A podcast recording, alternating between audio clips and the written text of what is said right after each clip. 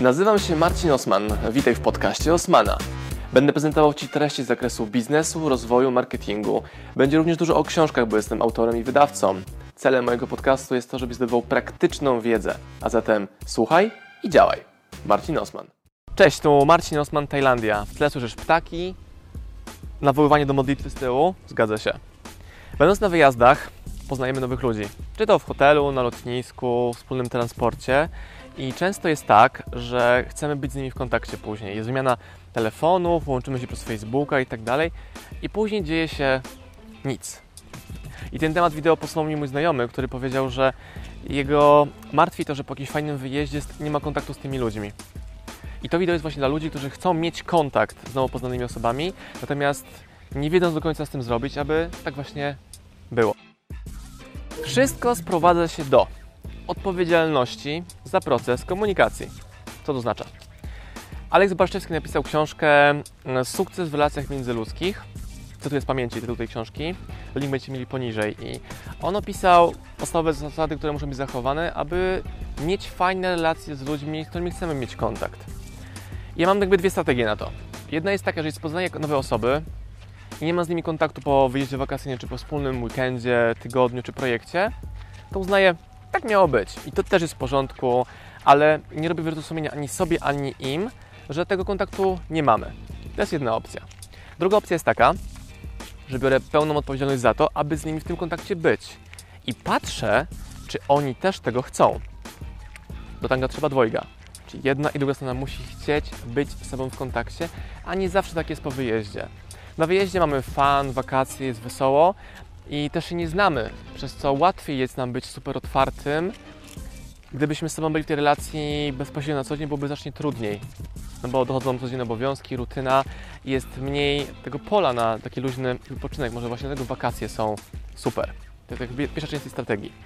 Druga, jeżeli ja chcę być z kimś w kontakcie, to biorę za to odpowiedzialność, czyli tak, ja inicjuję ten kontakt, ja go podtrzymuję i sprawdzam, czy, strona, czy druga strona również go chce. No bo może się okazać tak, że jest zainteresowanie z drugiej strony tą relacją, czy biznesową, czy prywatną, przyjacielską, kumpelską, whatever, ale zawsze musi być w tej relacji jedna osoba, która inicjuje. Ja, mając profil inicjatywny, czerwony, konkretny, dbam o to, żeby nie miał oczekiwań czy złudzeń, że ktoś chce mieć ze mną kontakt, albo nie go pytam o to. Proponuję kolejne wyjazdy, wspólne projekty, takie spotkania follow-upowe przy kawie po tygodniu, dwóch tygodniach, a po prostu bycie z sobą w kontakcie oparte na telefonie, Skype, FaceTime. Jeżeli druga strona nie chce, no to ja też na siłę tego kontaktu nie cisnę, nie męczę, bo może się okazać tak, że nasze drogi miały się tylko przeciąć w momencie spotkania się na wyjeździe. I tak samo jest chyba w relacjach normalnych biznesowych, przyjacielskich, związkowych, że muszą obie strony tego chcieć, że obie muszą być odpowiedzialne za cały proces, tym zawsze jedna osoba jest osobą inicjującą, podtrzymującą cały ten kontakt. I nawet to pytanie, kiedy dostałem tego znajomego, że co zrobić, aby, albo takie rozmarzenie, romantyzm, że no tak, ale po wyjeździe później relacje się rozpadają. Nie, one się rozpadają, bo są niepodtrzymywane, niebudowywane, nienabudowywane te relacje są kolejne elementy potrzebne do tego, żeby to rosło. Mam super relacje z Michałem Frąckowiakiem, tego poznałem w internecie lat temu, chyba już trzy i mam z nim częstszy kontakt niż z moimi kumplami, którzy są w Polsce, a on mieszka w Liverpoolu. Więc znowu, odległość nie ma żadnego znaczenia. Moją obecną, pierwszą, jedyną, wspaniałą żonę poznałem też zdalnie. Spotkaliśmy się na forum ekonomicznym Młodych Liderów w Krynicy, taka impreza przy forum ekonomicznym tym biznesowym, ekonomicznym dużym w Krynicy i przez dwa lata jeździliśmy do siebie na trasie Lublin-Kraków, co jak wiesz nie jest krótką trasą, to jest 5-6 godzin między tymi dwoma, dwoma miastami i to od nas zależało to, czy będziemy i chcemy być w tej relacji. Moja siostra wyszła za mąż za Portugalczyka i też byli zdalnie z sobą i to wymaga determinacji, wymaga inwestowania czasu, energii, wsparcia się technologią na pewno, ale zawsze chodzi o intencje i pytanie, czy obie strony tego chcą. My pracując jako SM Power w teamie rozproszonym, zdalnie bardzo często, to wideo nagrywamy teraz w Tajlandii cały czas, pracujemy z naszymi podwykonawcami, partnerami, pracownikami zdalnie. I znowu, musimy z nimi budować relacje, bo znacznie łatwiej jest ten biznes prowadzić w ten sposób, jeśli jest i relacja, i merytoryka, i takie konkretne rzemiosło osób, z którymi pracujemy. Na przykład wzięliśmy z nami na wyjazd Dominikę Szymańską, tak? Tak, wzięliśmy ją. bo jest naszą najbliższą osobą w firmie, najbliżej wszystkich projektów, ale już nie musieliśmy brać Marzeny, pozdrawiam Marzena, bo nie ma potrzeby, żeby Marzena z nami jeździła i się ona jest odpowiedzialna za korektę tekstów i e, produkcję tekstu, a nie bycie w interakcji z nami przy różnych projektach.